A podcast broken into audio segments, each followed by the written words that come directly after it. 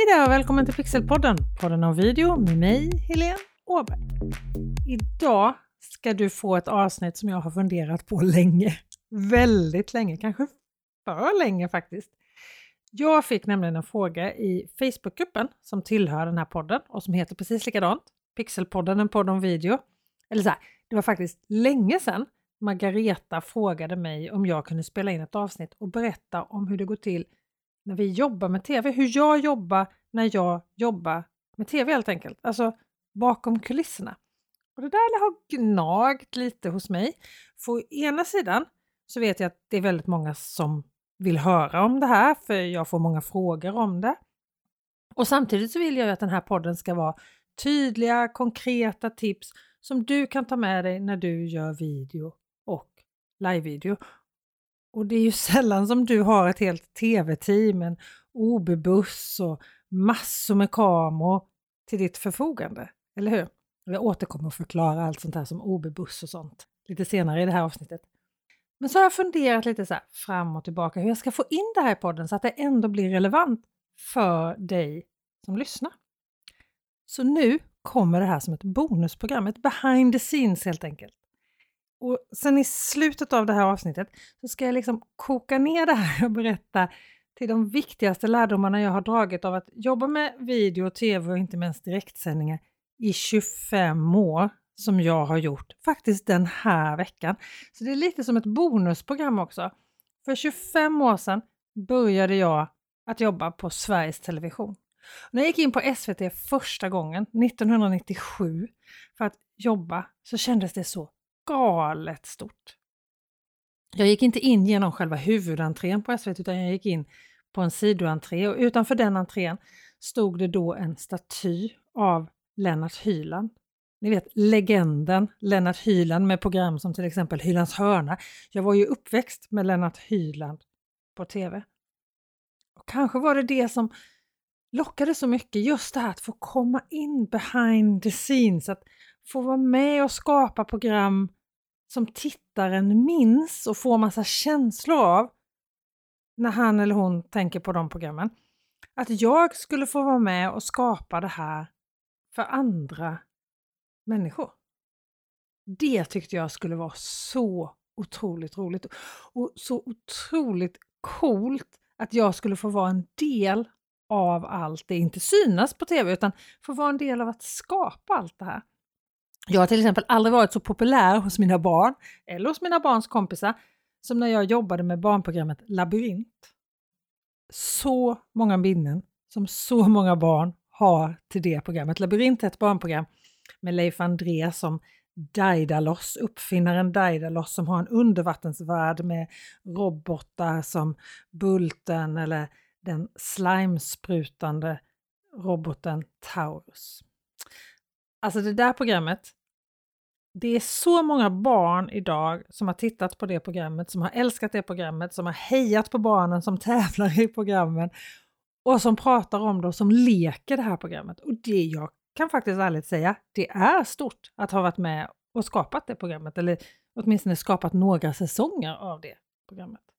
Och det största jobbet för mig personligen, det var nog när jag redigerade mitt allra första Lilla Sportspegeln. Alltså så många timmar som jag som barn har ägnat åt det programmet. Och att sen få vara med och spela in och göra, redigera det här programmet. Jag kommer så väl ihåg första gången jag spelade in och redigerade Jakob Hård när han gjorde de svenska rösterna till Tom och Jerry. Alltså jag kan inte låta bli att le när jag pratar om det här. Det låter ju helt jättekonstigt för barn idag, men då var det ju i Lilla Sportspegeln och på julafton med Kalanka Svenne som man såg tecknad film. Och det var så stort och Jakob Hård var och är fortfarande en idol för mig. Alltså han är så duktig och en fantastisk kollega. Men jag tänker inte att det här avsnittet ska bli någon eh, minnespromenad över 25 års tv produktion, utan jag tänkte berätta lite mer om en ganska aktuell sändning som jag var med och gjorde, en direktsändning, en livesändning på nätet faktiskt. I mitten av augusti så bildproducerade jag Aftonbladets partiledardebatt som direktsändes från Norra Latin i Stockholm. Det här var en drygt tre timmar lång direktsändning med tre olika spelplatser. Alltså det fanns tre olika delar i rummet som vi filmade ifrån. Eh, det var ungefär 20 deltagare sammanlagt i det här programmet och det var över 250 personer i publiken i salen som vi sände ifrån. Det var tre programledare totalt. Vi var för två bildproducenter. Jag eh, bildproducerade själva partiledardebatten och min kollega Johan bildproducerade för snacket och själva eftersnacket. Vi hade dubbla ljudtekniker, vi hade 12 kameror och ja, som du säkert förstår, vi var en stor mängd människor som jobbade med det här programmet. Och om jag trodde att det stora att jobba med TV skulle vara att få vara med och skapa andra personers minnen när de tittar på TV, så var det faktiskt inte så. För det som gör att jag älskar att jobba med TV, det är att du måste jobba tillsammans med andra när du gör TV. Du kan inte göra TV själv, du måste samarbeta. Alltså sociala medier är all ära, men där kan du göra allt ensam på din kammare. Du kan prata med andra via chattar, via kommentarer, gilla-knappar, du kan sända live eller spela in video, prata med massor med människor. Men egentligen i verkligheten så pratar du med din kameralins. Du kan göra allting själv. Och det är fantastiskt att du kan det. Och det har också sin charm. Varje gång jag jobbat med ett större tv-projekt så är det jätteskönt att komma hem och grotta in mig i mina sociala medier igen. Men när du gör tv så måste du samarbeta med massa andra personer som alla jobbar mot samma mål. Den här sändningen som du har framför dig, framförallt om det är en direktsändning, helt fantastiskt. Men det kräver ju ibland både tålamod och samarbetsövningar i den högre skalan. Men som sagt, I love it! Visst, jag ska erkänna att jag under mina 25 år med direktsändningar och tv-produktioner har jobbat i team som inte alls har fungerat så bra av olika anledningar. Då är det faktiskt nästintill fruktansvärt. Man längtar bara till programmet är sänt och hänt, man vill bara att det ska ta slut. Men som tur är så händer det väldigt sällan. Det är betydligt vanligare att det är magiskt, underbart och hur kul som helst. Och det var ju just det det var att jobba med den här partiledardebatten på Aftonbladet. Helt fantastiskt! Så många bra och roliga människor, både i själva produktionsteamet och på Aftonbladet. I min webbutbildning Lyckas med live och webbinar, där du kan lära dig hur du gör livesändningar och webbinar som dina tittare vill se och få ut någonting av och som du själv som sänder de här sändningarna får fler leads och fler kunder av. Där delar jag upp arbetet i före, under och efter en livesändning. Och det finns faktiskt ett poddavsnitt här i Pixelpodden också som jag tror och hoppas att du kommer gilla som heter just före, under och efter en livesändning. Avsnitt 11 är det om du vill lyssna på det. Men jag tänker att jag ska dela upp berättelsen om arbetet med partiledardebatten i det här avsnittet precis så också, före, under och efter. Före en sån här sändning så handlar det ju otroligt mycket om planering. Alltså arbetet börjar ju egentligen flera månader innan själva sändningen. Vad är det vi ska göra? Och jag i min roll som bildproducent är inte så mycket inne i själva vadet. Det är producenten och de exekutiva producenterna och cheferna på Aftonbladet som bestämmer vad det är vi ska göra. Sen kommer vi ju till att det här vadet, det som ska göras, ska ju visualiseras och det ska paketeras. Till exempel, var ska det här spelas in? Och här kommer ju jag in. För var ska vi vara någonstans? Vilka lokaler kan vi vara i? Vilka lokaler får vi vara i? För Säpo till exempel, när det är partiledare, har ju synpunkter också på att det ska vara säkert och det ska gå att göra sändningen på ett säkert och bra sätt. Vi har kollat på så många olika lokaler och så många olika platser att spela in till exempel det här programmet. De ska vara lediga, det ska fungera, vi ska få plats, det ska kännas bra, det ska se bra ut. Vi ska kunna placera kamerorna där vi behöver placera dem. Vi ska kunna göra det vi vill i den här lokalen. Hur ser det ut från flera olika vinklar? Vi ska kunna, när man gör tv ska man kunna filma från sidan och rakt framifrån och från flera olika vinklar hur kommer det att låta i den där lokalen?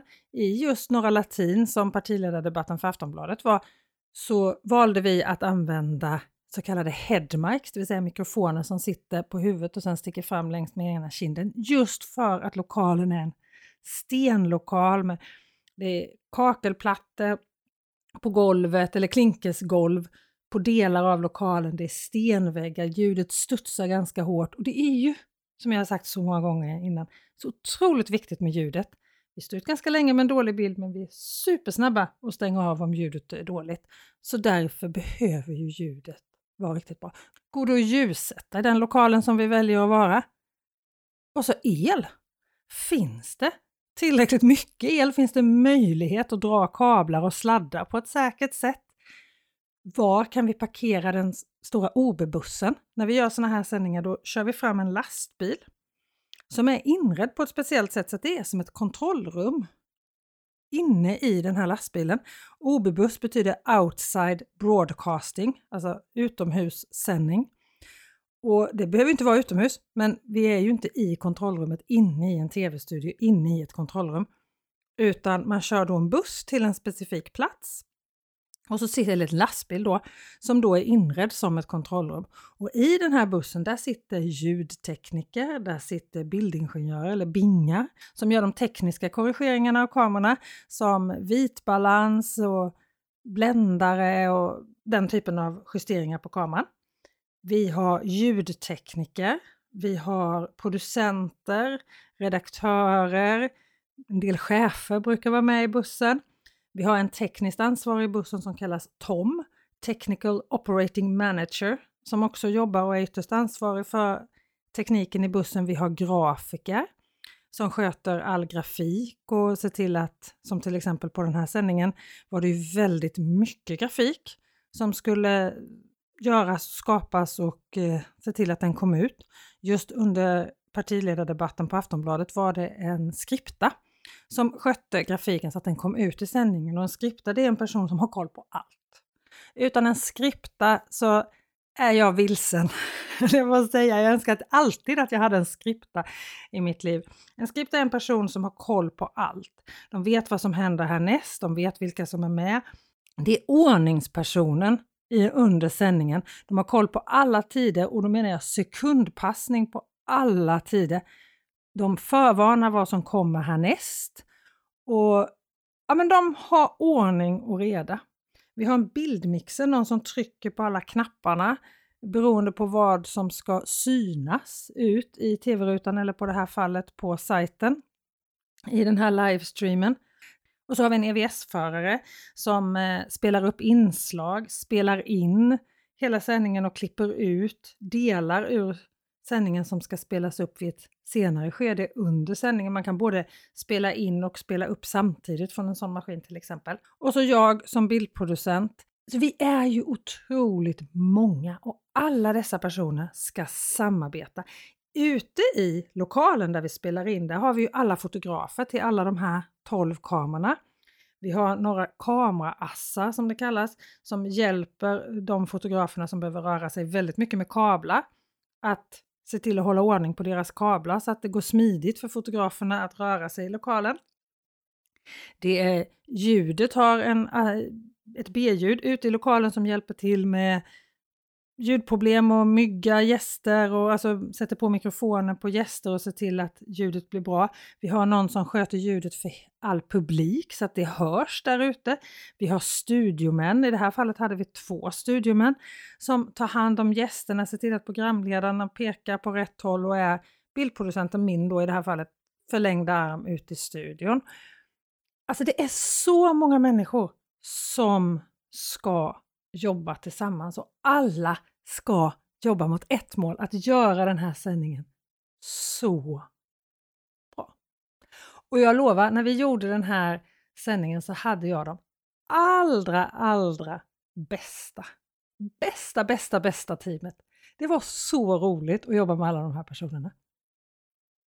Och när vi då har kollat på allt det här, att det går att vara i en lokal, sen ska ju den här lokalen få en scenografi. Det ska byggas en scen kanske. Det ska, I vårt fall skulle det byggas en scen. Det skulle dit bord för partiledarna och de skulle ha någonstans att hålla sina anföranden. Programledaren skulle ha ett bord. Vi hade en analysgrupp som skulle sitta på en annan plats som skulle ha ett bord. Det ska vara stolar. Det är glas, det är pennor. Alltså varje detalj och varje liten grej ska planeras och genomföras och placeras på rätt sätt. Och det är detaljerna som gör skillnaden.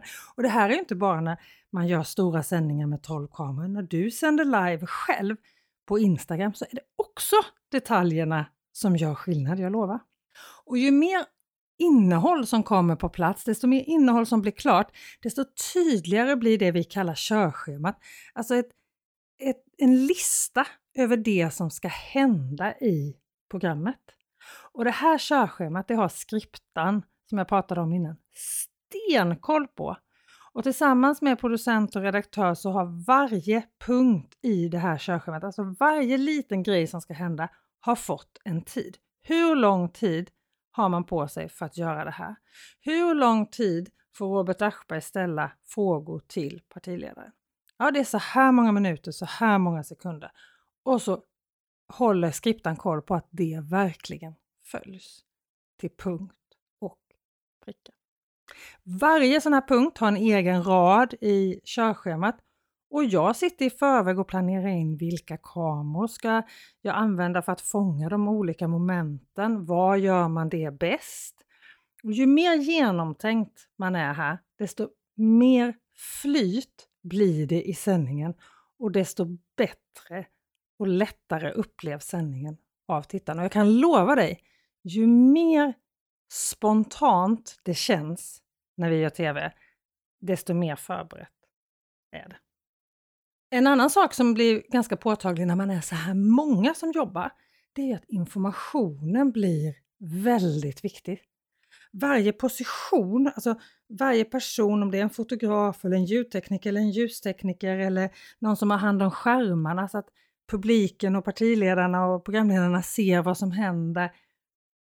De kommer ju tänka på sina saker och kan se sina problem och sina utmaningar. Så det är viktigt att alla kommer med i loopen tidigt. Och jag kan säga att i planeringen av en sån här sändning, då går jag ju igenom alla steg i den kreativa processen flera gånger om, eller jag på att säga. Det börjar alltid med total entusiasm. Det här kommer bli så galet bra! Åh, vad roligt, åh, vad roligt, åh, vad roligt! Och sen kommer man på mer och mer problem eller mer och mer utmaningar. Så fast, hm, det var ju lite knepigt att få till. Det här kan ju vara lite svårt. Och sen kommer jag ofta till det här stadiet, det här kommer inte funka, det här kommer inte gå, det här går inte. Och när jag kommer till det stadiet, då kommer också stadie 4 direkt. Jag är så dålig. Någon annan borde ta över och göra det här istället för mig. Och här vill jag egentligen bara all, sluta jobba med TV för allt framtid och så vill jag inte göra det här längre, så vill jag göra någonting helt annat. Och alla andra är så bra och jag själv är så usel. Och sen kommer jag förhoppningsvis ur det där och då kommer jag till hm, det här kanske funkar ändå.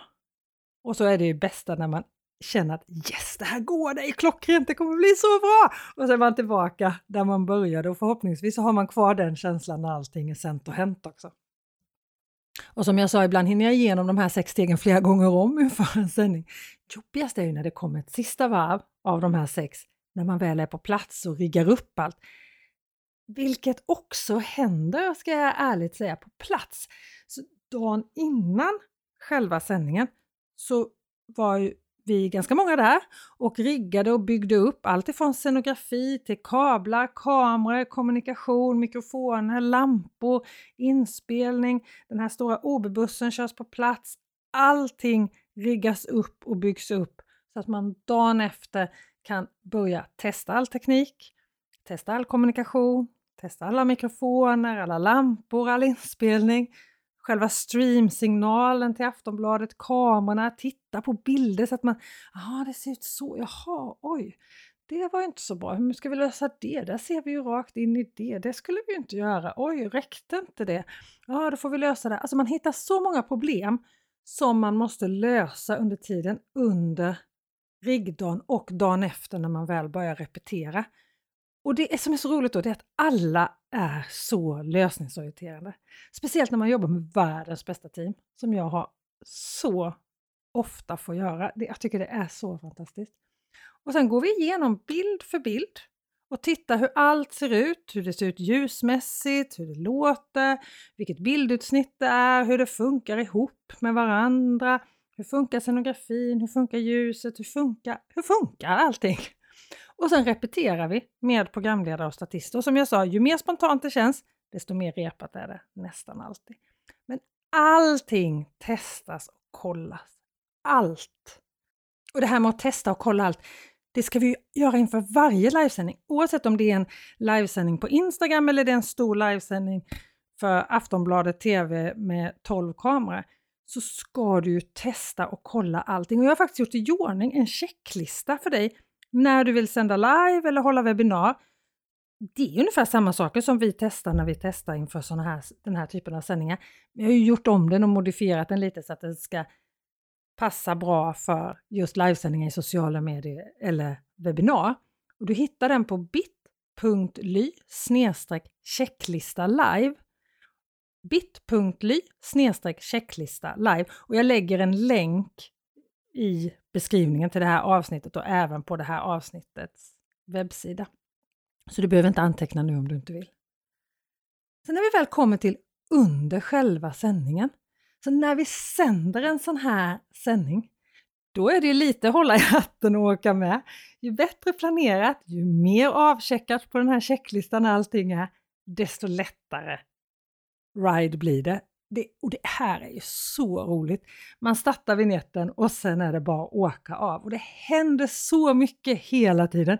Och det händer alltid någonting som inte var planerat. Så är det med live. Det är inte alltid det blir sämre än vad det var tänkt, men det händer alltid någonting som inte var planerat. Och som jag sa innan, tiden är ju också väldigt noga planerad. Och den här personen, skriptan, är ju den som håller koll på den här tiden och räknar sekunder och förvarnar mig och alla andra på vad som händer härnäst och sitter och följer körschemat till punkt och pricka. Jag förvarnar mer och pratar mer om hur vi gör nästa steg och skriptan om vad som händer i nästa steg. Det här samarbetet är superroligt och så viktigt för alla. Och det är så viktigt att vi som sitter i kontrollrummet eller i bussen i det här fallet ligger steget före. För så fort vi i kontrollrummet kommer efter och hamnar i bakvattnet om man säger så, då blir det kaos. För att vi ska ju förbereda sig till att kameran är på rätt plats för nästa moment och vi måste hela tiden ligga ett steg före i vad som händer och när vi kommer efter, då blir det kaos. Tack och lov så blev det inte det under den här sändningen, men det har hänt att det blir så också.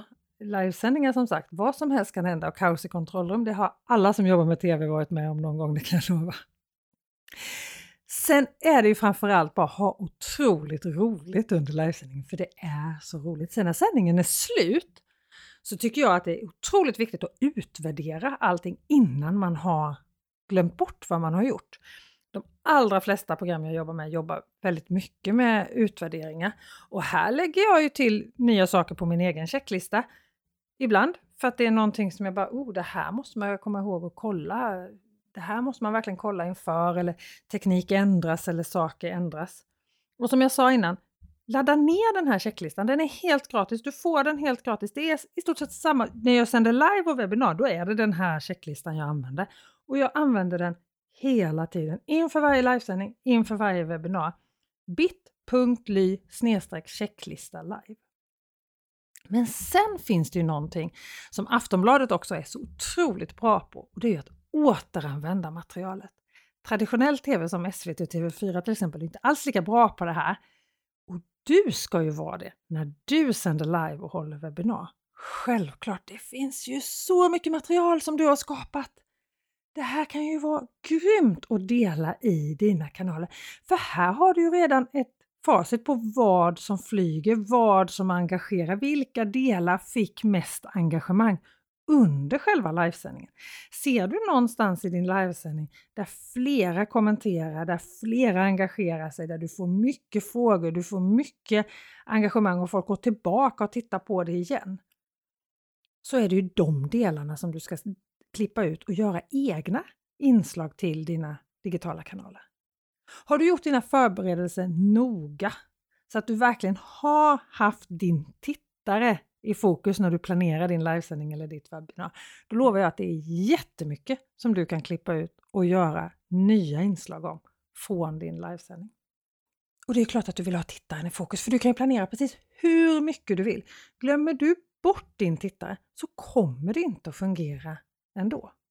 Du som har lyssnat länge på Pixelpodden och på de video, eller du som går någon av mina webbutbildningar, kommunicerar med video i sociala medier och filmar som proffs med din mobil, eller den som kanske är mer aktuell om det här ämnet, lyckas med live och webbinar där du lär dig just det här, att sända live och hålla webbinar som lyckas. Och med lyckas menar jag förstås att det fungerar rent tekniskt, men också hur du skapar livesändningar och webbinar som ger dig fler leads, fler kunder, mer inkomster, alltså som har din tittare dina kunder, dina följare i fokus så att du kan hjälpa dem så mycket som möjligt. Utan att du möter din tittare där han eller hon är just nu så kommer du aldrig att lyckas. Varken med en livesändning på Instagram med din telefon eller med en stor livesändning som livestreamas på någon stor webbsida som Aftonbladets partiledardebatt till exempel. Det är så mycket som jag ha mina 25 år med TV att tacka för. För att jag själv har lyckats så bra med min marknadsföring i sociala medier och på webben med just livesändningar och webbinar, både åt mig själv och åt andra. För jag har lärt mig hantverket. Dels har jag ju lärt mig tekniken. Hur fungerar varje, hur fungerar kameran, hur fungerar mikrofonen, hur fungerar streamingprogram? Och även om de är olika för en livesändning på LinkedIn till exempel mot hur man jobbar med TV så är grundtänket precis detsamma. Sen har jag ju också tagit med mig det här med att skapa innehåll som är intressant hela vägen. Det här med att innehållet, att man inte tappar tittaren halvvägs. Utan att det börjar intressant så att man lockar till sig tittaren och sen håller intresset hela tiden. Så att inte tittarna börjar droppa av. Och sen att man tar ner det här i slutet så att tittaren får med sig någonting, ett minne därifrån om man säger så. Eller en call to action som man säger i sociala medier, någonting som du vill att tittaren ska tycka, tänka, göra, känna när din livesändning är slut. Och det här är så otroligt viktigt. Sen handlar det också om att göra så att bild, ljus och ljud, grafik hjälper tittaren att ta emot innehållet så att det inte blir tvärtom. Om du gör ditt ljud på fel sätt eller dina bilder eller din grafik på fel sätt så kan du också försvåra för mottagaren att ta till sig ditt budskap. Och det här, jag tror att det här med tekniken, jag har lärt mig att använda tekniken. Jag har lärt mig att skapa innehåll som håller intresset uppe hela vägen, som engagerar hela tiden. Och jag har lärt mig att göra så att bild, ljus, ljud och grafik hjälper tittaren att ta emot det innehållet som jag vill förmedla. Sen såklart så hjälper ju rutinen. Jag har gjort hundratals, eller jag har gjort tusentals livesändningar och direktsändningar. Jag blir inte längre nervös av att gå live, men jag får adrenalin. För jag älskar det. Vad som helst kan hända och man måste vara på tå. För det händer alltid något som jag sa. Trots timmar, veckor eller till och med månader av förberedelse så händer det alltid någonting. Men som sagt, ju mer förberedd du är, desto mer förberedd jag är eller vi är när vi gör tv-produktioner, desto bättre kan du parera eller rädda din sändning. Om, eller jag kanske ska säga när, någonting gå fel. Så chansa inte, var inte dumdristig som min pappa skulle ha sagt. Ladda ner min checklista bit.ly snedstreck checklista live och använd den när du ska gå live nästa gång. Ja, Margareta, jag hoppas att du fick lite svar på dina funderingar och tankar om hur vi jobbar inför en livesändning på tv, eller i det här fallet på en stor sajt. Och vill du vara med och påverka innehållet i den här podden? Kom med i Facebookgruppen. Pixelpodden, en podd om video, heter Facebookgruppen. Och önska, önska vad du vill att jag ska prata om. Och jag hoppas ju förstås att jag kan göra avsnitt som gör att du kan lyckas i din marknadsföring för ditt företag. Vi hörs igen nästa vecka. Ha det så bra till dess. Hej då!